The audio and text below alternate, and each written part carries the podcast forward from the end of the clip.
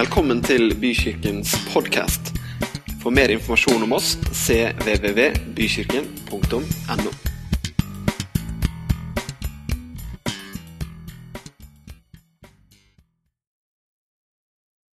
Eh, Vi snakker om Gud og jeg denne våren. Det er jo en litt sånn dagligdags måte å på en måte omtale Gud og seg selv på. Ja, ja, Gud og jeg, liksom. Det er nesten liksom ja, Gunnar og jeg. Eh, og Det er klart det er en viss fare i det, men noe av det vi ønsker å uttrykke med en sånn hovedtittel, det er jo det at det, det finnes en relasjon mellom Gud og deg. Det betyr ikke, når vi sier det på den måten, at du og Gud, eller Gud og jeg Det betyr ikke at vi på noen som helst måte er likestilte. Du er med på det? Du skjønner, Det er der vi mennesker begynner å krølle. Det er når vi å få knute på tråden, det er når vi forsøker å forstå Gud ut fra vårt intellekt. Vi prøver med hjernen vår å forklare hvorfor han sier det han sier, og hvorfor han gjør det han gjør. Vi må hele tiden ha med oss det perspektivet at Gud, han er Gud, og så er jeg meg. Er du med på tanken? Det her er to grøfter, vet du, de berømte grøftene. Den ene kan være at vi blir så familiære med Gud at vi ikke respekterer ham lenger. Vi tar ham for gitt, og vi forteller nesten hva han skal mene. Og så kan den andre grøfta være at vi setter Gud så høyt. Og det skal vi gjøre, men vi setter han så høyt at vi tenker at han er fjernt fra meg. For det er han nemlig ikke i det hele tatt. Gud og jeg, det er en relasjon som handler om kjærlighet, og som handler om sannhet. Gud, han elsker oss. Vi er hans barn. Han er vår far, og en god far snakker sant med barna sine om livet. Gud, han snakker til oss gjennom ordet sitt. Det finnes en bok som heter Bibelen. Den er et testamente. Den er en beskrivelse av hva som er overgitt til deg og meg. Altså, Jeg vet ikke om jeg noen gang kommer til å få noe testamentert til meg. Det gjenstår jo å se.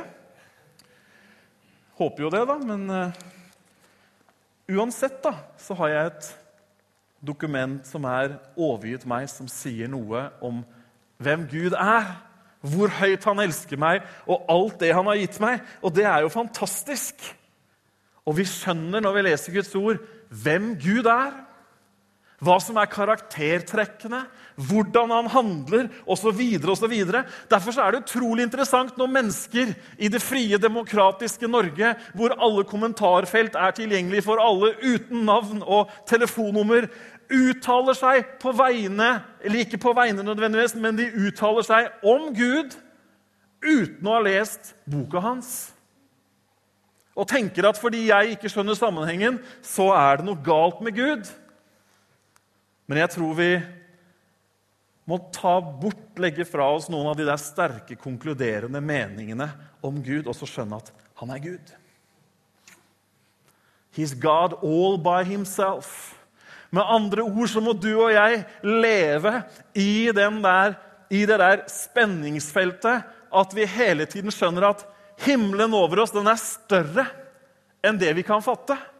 Men midt i den der grublingen eller undringen om hvor stor himmelen er, så kan vi likevel være forvisset, forsikret og helt overbevist om at vi er hans barn, elsket dypt og inderlig av han. Det går an. Det går an å skjønne at det er noe mer, det går an å skjønne at det er noe større, og midt oppi det kjenne seg elsket, bekreftet og trygg.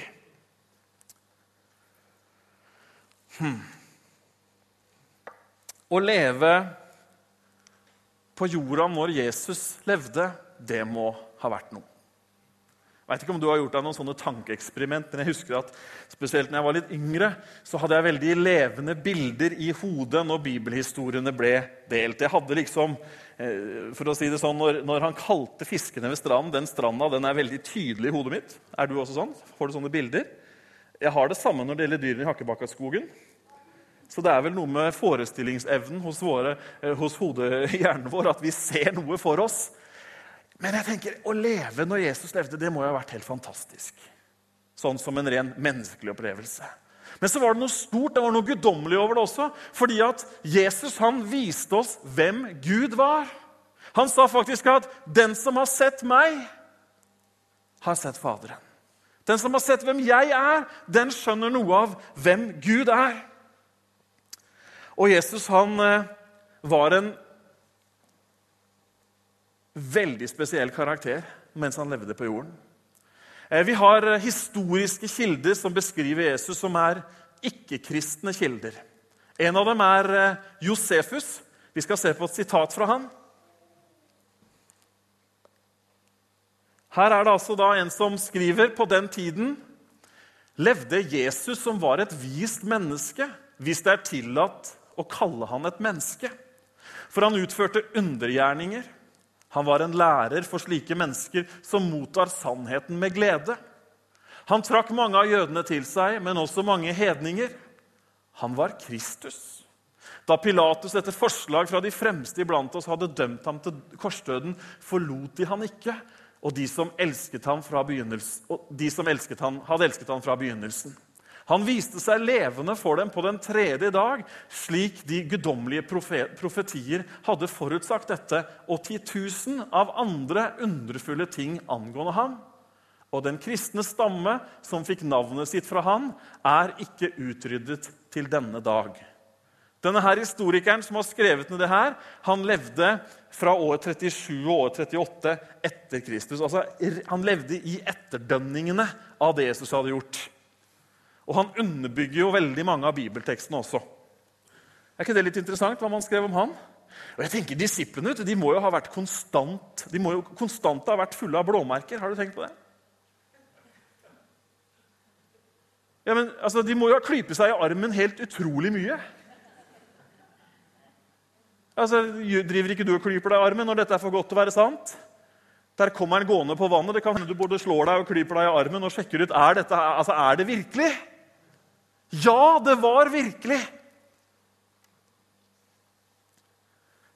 Etter noen år sammen med Jesus så kommer disiplene til et veiskille. Det vil si, Jesus snakker om et veiskille. Og vi skal lese i Johannes evangelium. Hvis det er lenge siden du har lest Johannes, så er det en sånn anbefaling for et par uker framover. Det er uh, utrolig mye fantastisk han har fått nedtegna. Og i kapittel 14 og i vers 15 Her driver Jesus og snakker om dagene som ligger foran. Og så sier han, 'Hvis dere elsker meg, så hold mine bud.' Og jeg vil be Faderen, og han skal gi dere en annen talsmann, for at han skal bli hos dere til evig tid. Sannhetens ånd, som verden ikke kan få, siden den verken ser han eller kjenner han. Men dere kjenner ham, for han blir hos dere og skal være i dere. Jeg skal ikke la dere bli igjen som foreldreløse. Jeg skal komme til dere. I tre år så hadde disiplene levd livene sine sammen med Jesus. Mest sannsynlig 24-7. Kanskje de hadde perm eh, i ny og ne og kom seg hjem og, og, og, hilste på de gamle der hjemme. det vet jeg ikke. Men i alle fall så levde de sammen med han i flere år. Han underviste dem. Han forklarte dem, han demonstrerte for dem. Han viste dem hvordan Guds rike var. Og han var en farsfigur eller en som hadde omsorg for dem. Så når de nå får beskjed om at om ikke lenge så skal jeg dra herifra du vet, Da var det liksom sånn rullegardina skikkelig på vei ned. Kan du tenke deg, Du har vært med på eh, verdenshistoriens største turné i overnaturlige ting. Du har sett tusenvis av mennesker bli metta, du har sett lamme gå, du har sett de blinde få syn igjen. Du har vært med på hele den greia her. Og så sier han, 'Folkens, nå er det ganske kort tid igjen, and I'm gone'. Kan du være med på antiklimakstanken? Dere er stille i dag, altså. Å, kjære min tid. Og så ja. Noen er med på antiklimakstanken. Noe skal skje. Men så sier Jesus et annet sted så står det til og med at Jesus sier at det er til det beste for dere at jeg går bort. For hvis ikke jeg går bort, så kommer ikke talsmannen. Det er jo et litt sånn spesielt ord. Talsmannen. Vi har jo talsmenn og -kvinner. Vi har jo eh, de som har, eh, er ansvarlig for å kommunisere med mediene i ulike firmaer osv.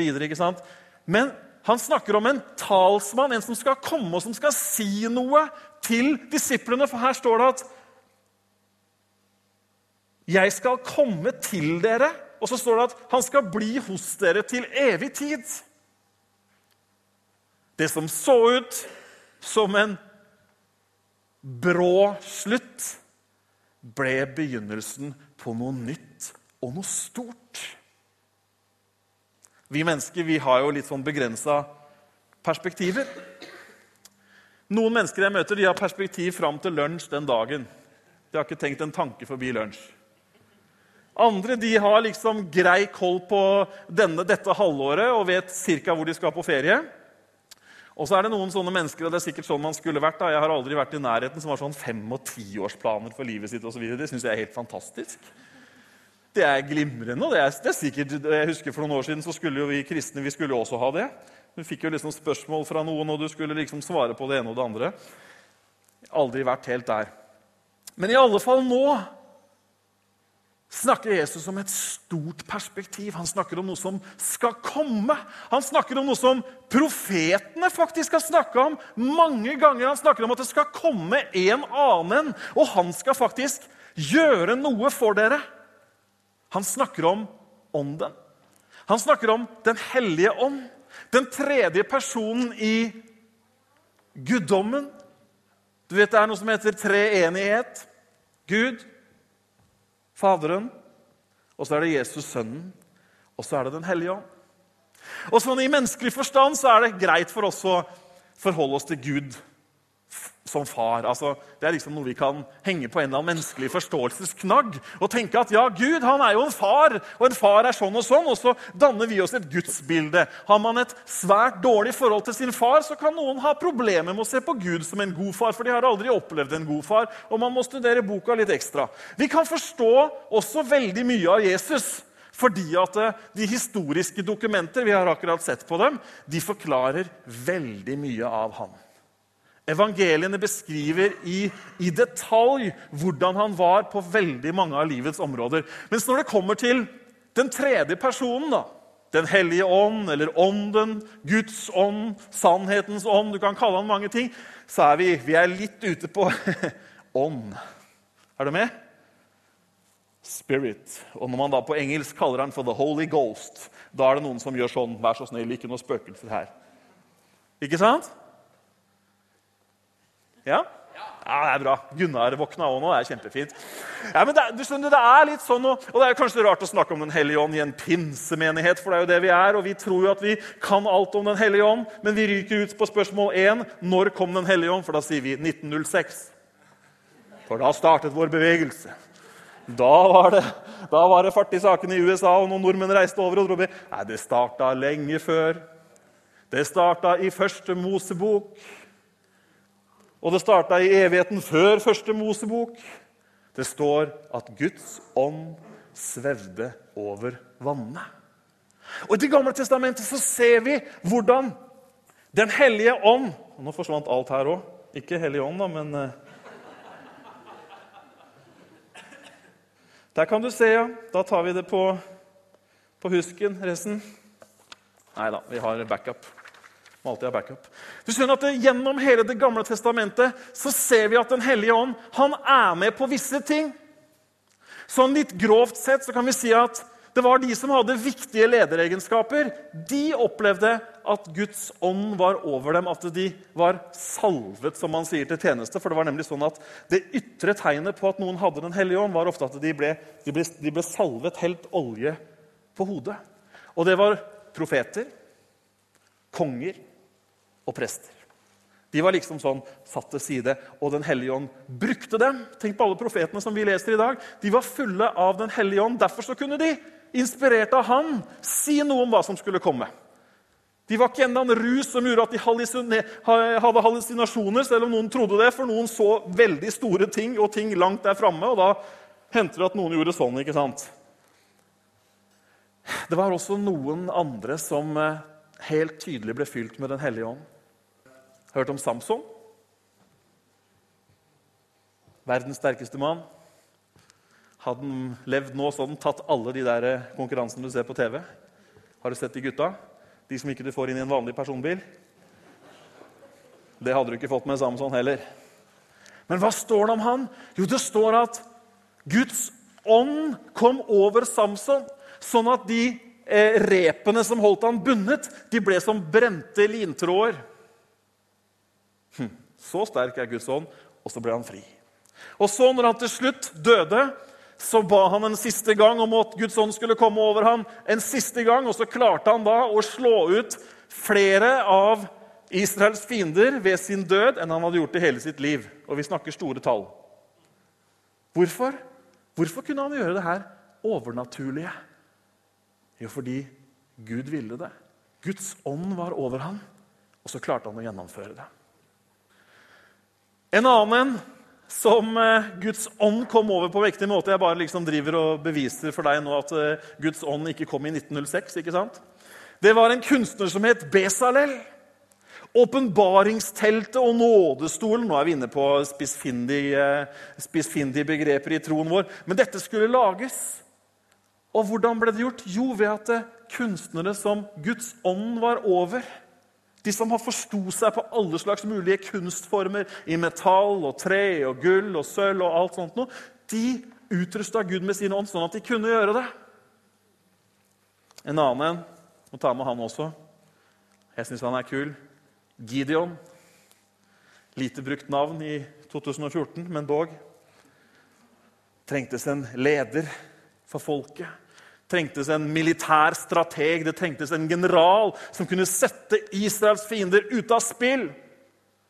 Og så sa Gud til Gideon, 'Du skal gjøre det.'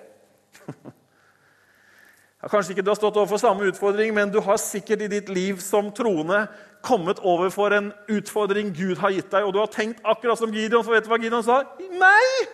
Hallo! Min familie er faktisk den dårligste familien i hele klanen. Og som om ikke det er nok, jeg er den minste og den svakeste i familien min. Så sorry, Gud. Wrong choice. Men Gud ville bruke han. Og så står det at Guds ånd kom over Gideon. Så blåste han i militærhornet sitt, og så sammenkalte han styrkene. Og så vant de. Og det morsomme var at eh, De hadde jo egentlig et par og 20 000 mann. De skulle jo knuse denne fienden. Men så Gud han plukka han ikke bare ut, men han hadde en dialog med Gud videre. Guds ånd var over ham. Så det gikk fra 22 000 ned til 10 000, og så gikk de fra 10 000 ned til 300 mann. Og så slo de fienden fordi de var smarte, med 300 mann. Hva er det som skjer? Hva er det, hva er det vi fram til? Jo, i Det gamle testamentet så var det sånn at Guds ånd kom over visse personer til visse tider for å utføre helt spesielle oppdrag. Og så kommer vi fram til disiplene og Jesus. Hm. I mellomtiden så har eh, Esekiel og andre profeter de har profetert om at det skal komme en ny tid. Jesus snakker om de profetiene, og sier han, så sier han sånn som Gud har lovt, sånn som Faderen har lovt, det skal skje med dere. Hva da? Jo, det skulle komme en tid hvor Den hellige ånd ikke bare kom over noen, men hvor Den hellige ånd skulle bli tilgjengelig for alle mennesker. Ikke bare kongene og profetene og prestene. Du vet, Da hadde vi vært diskvalifisert hele gjengen. Noen konger her. Jeg skal ikke spørre om profeter, for det er noen som sikkert tror de er det. Men eh, nei da. da, da sliter du hvis det er på ditt eget hjemsted, i hvert fall. Men det kan vi ta en annen gang.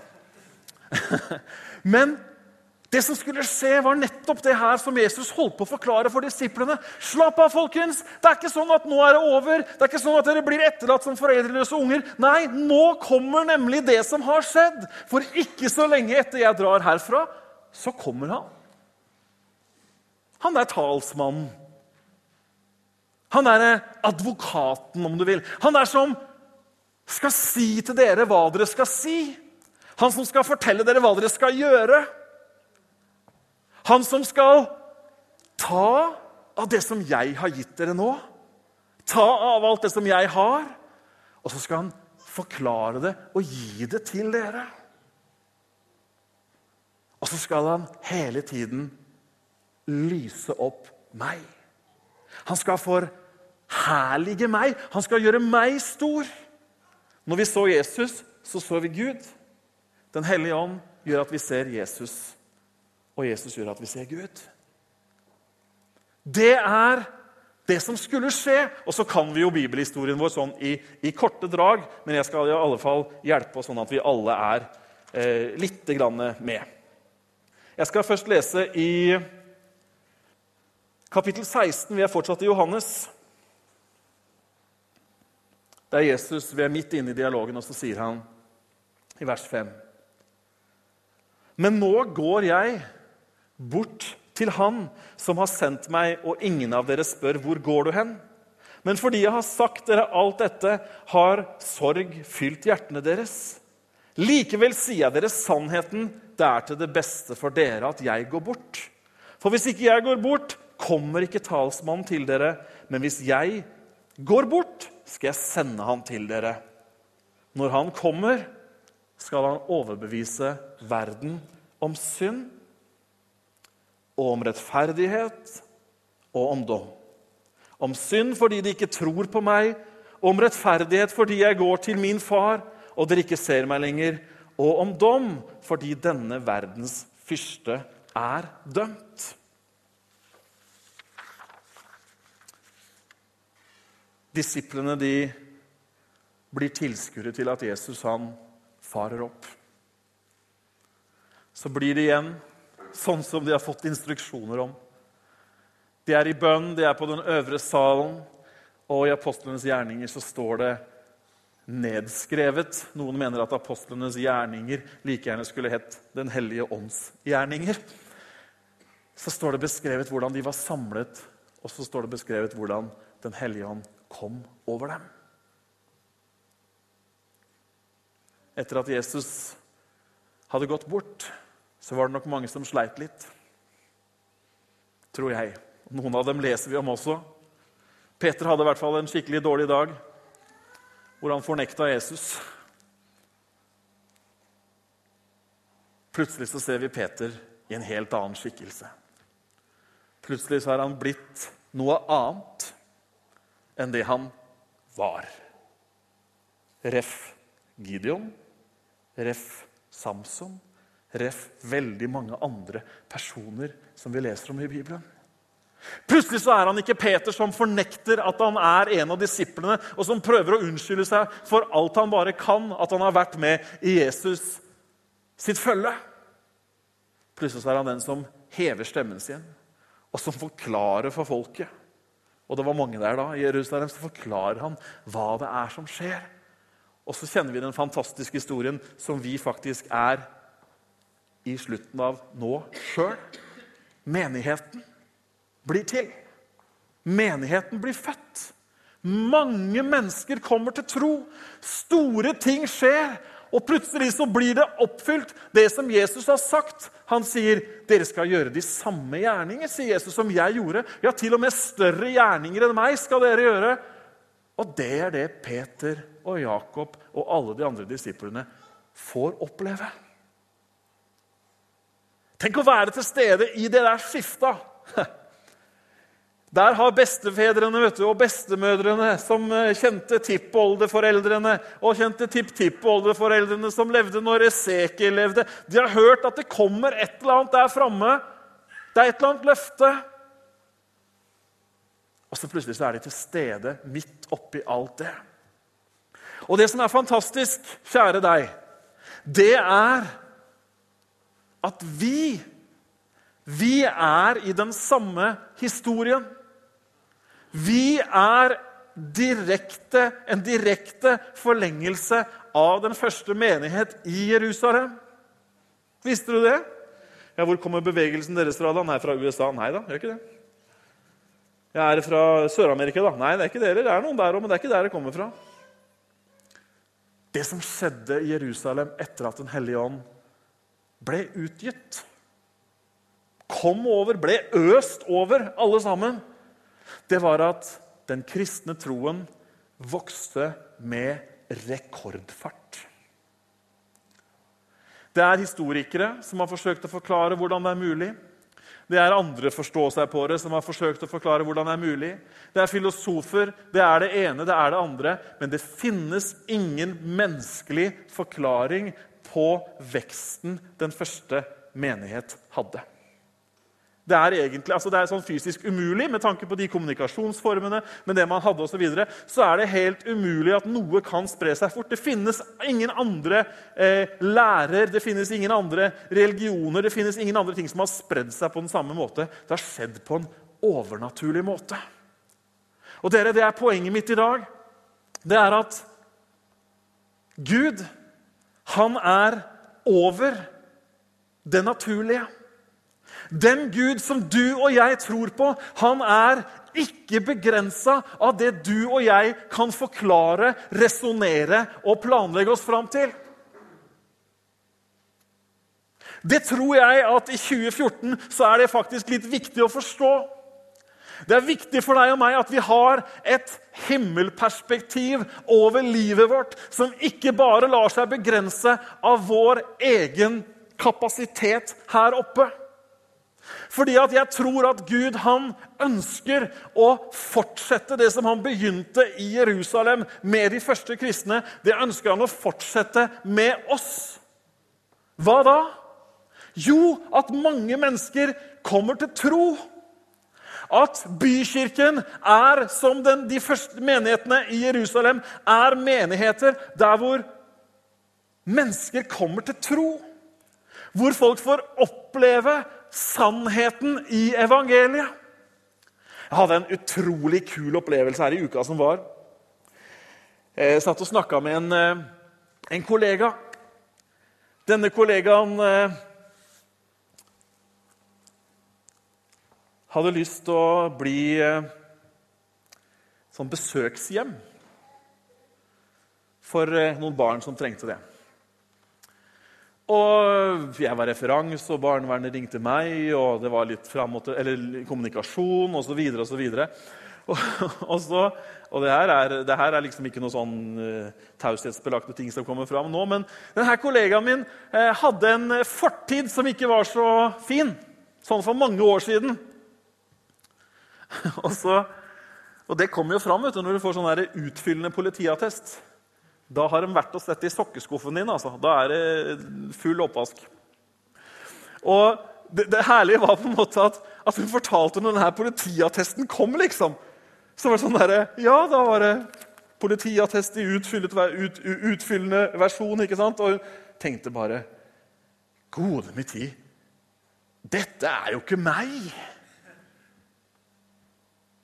Det er, er dette, nei, dette er jo ikke meg! Altså, det var henne. Men hva hadde skjedd i mellomtida? Jo, han hadde fått oppleve Gud. Fått oppleve at troen på Jesus brakte en sånn tilgivelse, en sånn her ny start og en sånn her fornyelse av sinnet. Så hun klarte ikke engang å kjenne seg igjen i beskrivelsene som hadde både dato og sted nevnt. Ja, jeg har vært glad over det i mange dager. Jeg så at det røkka litt hos deg òg. Herlig. Det er jo det som skjer, folkens. Det var jo det som skjedde. Det var jo det som skjedde når Peter og de andre preka. Folk de fikk et nytt sinn. De vendte om, de trodde, og de fikk en stor himmel over livet sitt. De fant noe som var over det naturlige. De skjønte at det finnes jo en Gud. Og denne guden han er faktisk så god at han ønska ikke at vi skulle være i en sånn tilstand som mange andre religioner ønsker at sine tilhengere skal være i. Hva er det jeg snakker om? Jo, i en eller annen sånn der konstant søken. Det er bra å søke som kristen, men mange religioner der holder man på med en sånn kontinuerlig rutine, og det er ritualer, og man skal liksom forsøke å oppnå et eller annet. Gud har oppnådd noe for deg og meg allerede. Og selv om ikke vi kanskje er tilstrekkelige eller gode nok, hva var Peter, da? Han burde jo vært eh, diskvalifisert for svik. Men så hadde han et hjerte, skjønner du. Peter han hadde et hjerte. Han elska Herren. Å, han syntes det var helt fantastisk med Jesus. Han syntes, å, Til tross for alle tilkortkommenhetene sine så valgte han å være ærlig med de, og så var han der. Og så kom Gud med sin ånd inn i han. Derfor så visste Peter hva han skulle si. Derfor så visste Peter hva han skulle gjøre. Og det er det samme for deg og meg i dag. Nei, nå drar det langt, Bent Ove. Vi snakker tross alt om Peter her. altså. Kom ikke inn på Paulus i hvert fall. Jo, jeg kan nevne Paulus også. Det er det samme for oss i dag. Den hellige ånd folkens, er ikke en læresetning i den pinsekarismatiske eh, teologi. Den hellige ånd er kraft, styrke, inspirasjon, sånn at vi kan leve de livene som Gud vil at du og jeg skal leve. Og nå må jeg skyte inn én ting. Ofte så har Den hellige ånd blitt begrensa i pinsemenigheter til at et eller annet menneske spretter opp på slutten av et møte helt uanmeldt og kommer med tungetale. Ikke sant? Og det tenker vi liksom at er det ytterste av manifestasjoner. Nei, nei, nei. Altså, vi, vi tror på tungetale her, men her, her i huset så tenker vi at det er greit at det foregår i litt ryddige former. At man snakker med den som leder møtet. Liksom, det er ikke sånn at det, du må sprette opp hvis du kjente litt goosebumps. Det går helt fint. Og vi har life-grupper. Der er det veldig fritt og åpent osv. Men du skjønner at det, det, er ikke ment at Den hellige ånd skal være en sånn der, club for specially invited people. liksom. Nå skal vi ha en litt sånn der følegreie, og det har vært så mange ting opp igjennom. Jeg skal ikke nevne de ulike vekkelser og si hva jeg mener om det ene og det andre. Det har jeg ikke noe behov for. Jeg forstår ikke alt heller. Men først og fremst så ønsker Gud at du og jeg skal ha noe med oss når vi møter mennesker.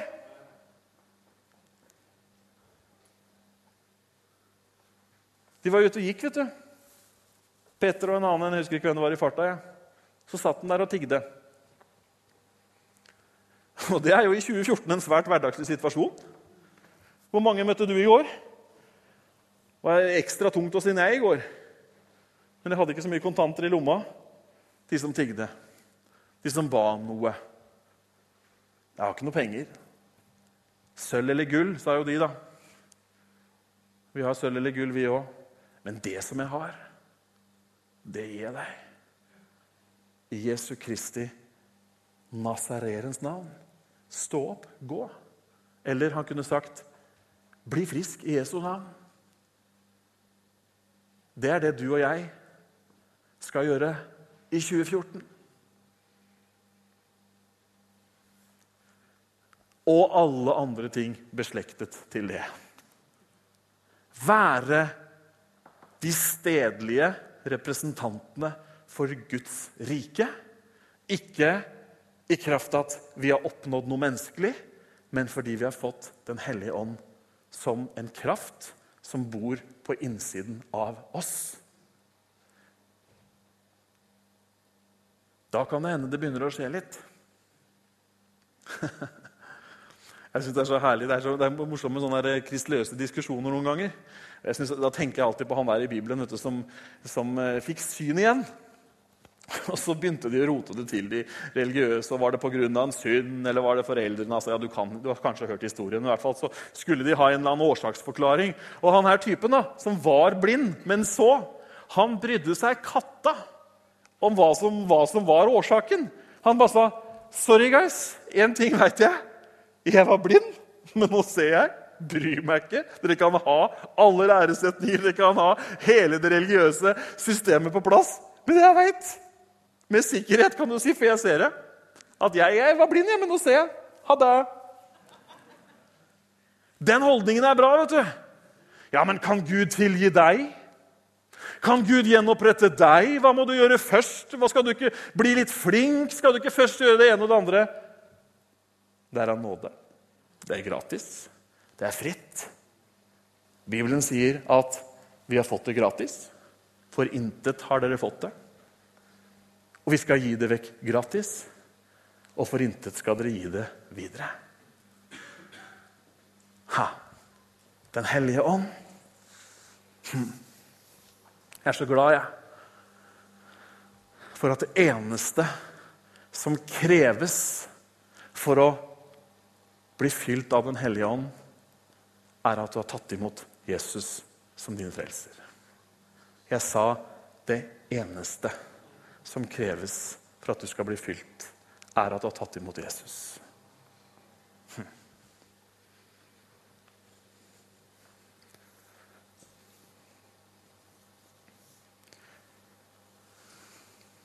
Bibelen sier noe litt rart om deg og meg. Kanskje det er litt rart også fordi vi lever i en kultur i en annen del av verden, og også litt sånn langt unna. Men jeg vet ikke hvor mange av dere som liksom har et forhold til ordet tempel. Liksom sånn dagligdags tale tempel. Nei, for vi har ikke så mange templer i Norge. Men vi har mye hus. Jeg skal ikke ha noen håndsopprekning om mange som har et forhold til begrepet hus. Noen bor jo på finn.no for å se på hus. Det er blitt hobby å følge med på hus. Og vi har fine hus, og vi liker å ha fine hus. Men Bibelen sier at Veit dere ikke at dere er et hus? Nei, jo, hus, jo. Veit dere ikke at dere er et hus? Eller det som står ordet der, vet dere ikke at dere er et tempel? står det da. Men vet dere ikke at dere er et hus? Et hus et sted hvor noen kan bo. Vet dere ikke at det er et hus hvor Den hellige ånd kan bo? Kan være? Det er deg, og det er meg. Vi er et sted hvor Guds ånd kan få lov å komme og kan få lov å være. I Det gamle testamentet, som vi ikke er i lenger fordi vi lever etter at Jesus betalte for all verdens synd, og en helt ny tidsregning kom. Men i Det gamle testamentet så kom Den hellige ånd sånn noen ganger, som jeg sa, ikke sant? over noen personer. Og til bestemte tider, eller til kortere tider. Derfor så ber David, han som har skrevet av halvparten av, eller mange av salmene, han, han ber med sånn inderlighet Gud, ikke ta Den hellige ånd bort fra meg. For det kunne liksom nemlig skje. Men vi lever i denne tiden hvor Guds ånd Krana er åpen. Himmelen er åpen. Guds ånd er der fordi den ønsker å fylle deg og meg, sånn at vi blir fulle av Gud, av det Han har. Og det, nei, det Nye testamentet så leser vi hvordan, i apostlenes gjerninger hvordan ikke bare jødene ble fylt med Den hellige ånd, men også hedningene, de som ikke var jøder, ble fylt med Den hellige ånd. Og så står det det at det, det at de ble fylt med Den hellige ånd, det var, det var beviset. Det var panten. Det var liksom eh, stempelet fra Gud. Og det er der du og jeg lever nå. Jeg tenker at vi trenger Guds ånd som hjelper oss. Han kalles også hjelperen. Kanskje mer Holdt på å si mer enn noen gang. Vi satt og snakka litt på Life-gruppa på onsdag hvor krevende det kan være i dag som foreldre å navigere i barnas medieverden.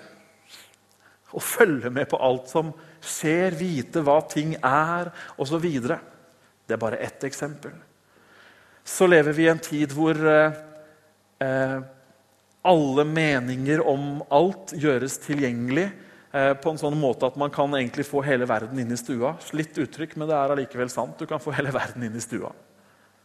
Og så skal vi, så vi får, Poenget er at vi får veldig mye vi skal forholde oss til av sterke meninger og utvikling her, og den sier det, osv. Og, så og det kan være utrolig vanskelig å navigere på søken etter sannheten, tenker jeg i hvert fall. Det må jeg si for min del, i en, i en sånn verden. Og da tenker jeg løsningen er jo at Guds ånd bor i meg. Løsningen er at den allmektige, skapende Gud, han har latt sin ånd være i meg, sånn at jeg kan vite hva som er bra, hva som ikke er bra. Noen som kjenner seg igjen i meg? Hvor vanskelig det kan være på mange måter, ulike områder av livet også. Men da har vi en hjelper, en talsmann, en som sier noe til oss for at vi skal vite hva vi gjør. Noen ganger så tenker vi det er en liten parentes, men noen ganger så tenker vi liksom på, på talsmann og advokat. Men, men, det er faktisk ikke, egentlig ikke et helt godt dekkende uttrykk hvis man ser på, på helt ned i grunn, grunnteksten. For han er ikke en som kommer istedenfor deg og sier noe, men han er en som sier til deg hva du skal si. Han kommer ikke og gjør det for deg, men han kommer og sier hva du skal gjøre. Han vil hjelpe oss, sånn at vi kan være de barn av Gud som Gud virkelig ønsker at vi skal være. Jeg tenker for min egen del at hm, hvis disse gutta som vi leser om her, heltene våre, Peter og Jakob og Johannes og alle de andre Hvis de trengte Guds ånd for å gjøre oppdraget De som til og med hadde, de hadde jo hatt læretiden sin med Jesus. Og De hadde jo ikke bare læretid noen timer i uka. vet du. De hadde jo læretid, de var jo lærlinger 24-7 ikke sant? Og, og, og, og, fikk jo dette her, de, altså de burde jo være så kvalifisert i seg sjøl. Håper de tok gode notater. Men hvis de trengte, for å utføre det Gud ønsket at de skulle gjøre, hvis de trengte å bli fylt av Guds ånd, få inspirasjon fra Han, da er det stor fare for at Bent Ove også trenger det. Og kanskje du òg. Ikke fordi at vi skal bli spooky, ikke fordi at vi skal ende opp som sånne rariteter hvor, hvor liksom eh, ja, historiene går. Nei. For at det vi gjør, det vi sier, de vi omgås, skal få kjenne at det er kraft. At livene blir forvandla. At vi får flere som ser på rullebladet sitt og så tenker de, det er ikke meg. Fordi Jesus. På grunn av Jesus skal vi spørre om eh, Ruth Karin og teamet kan eh, komme opp. Og så skal vi be sammen til slutt.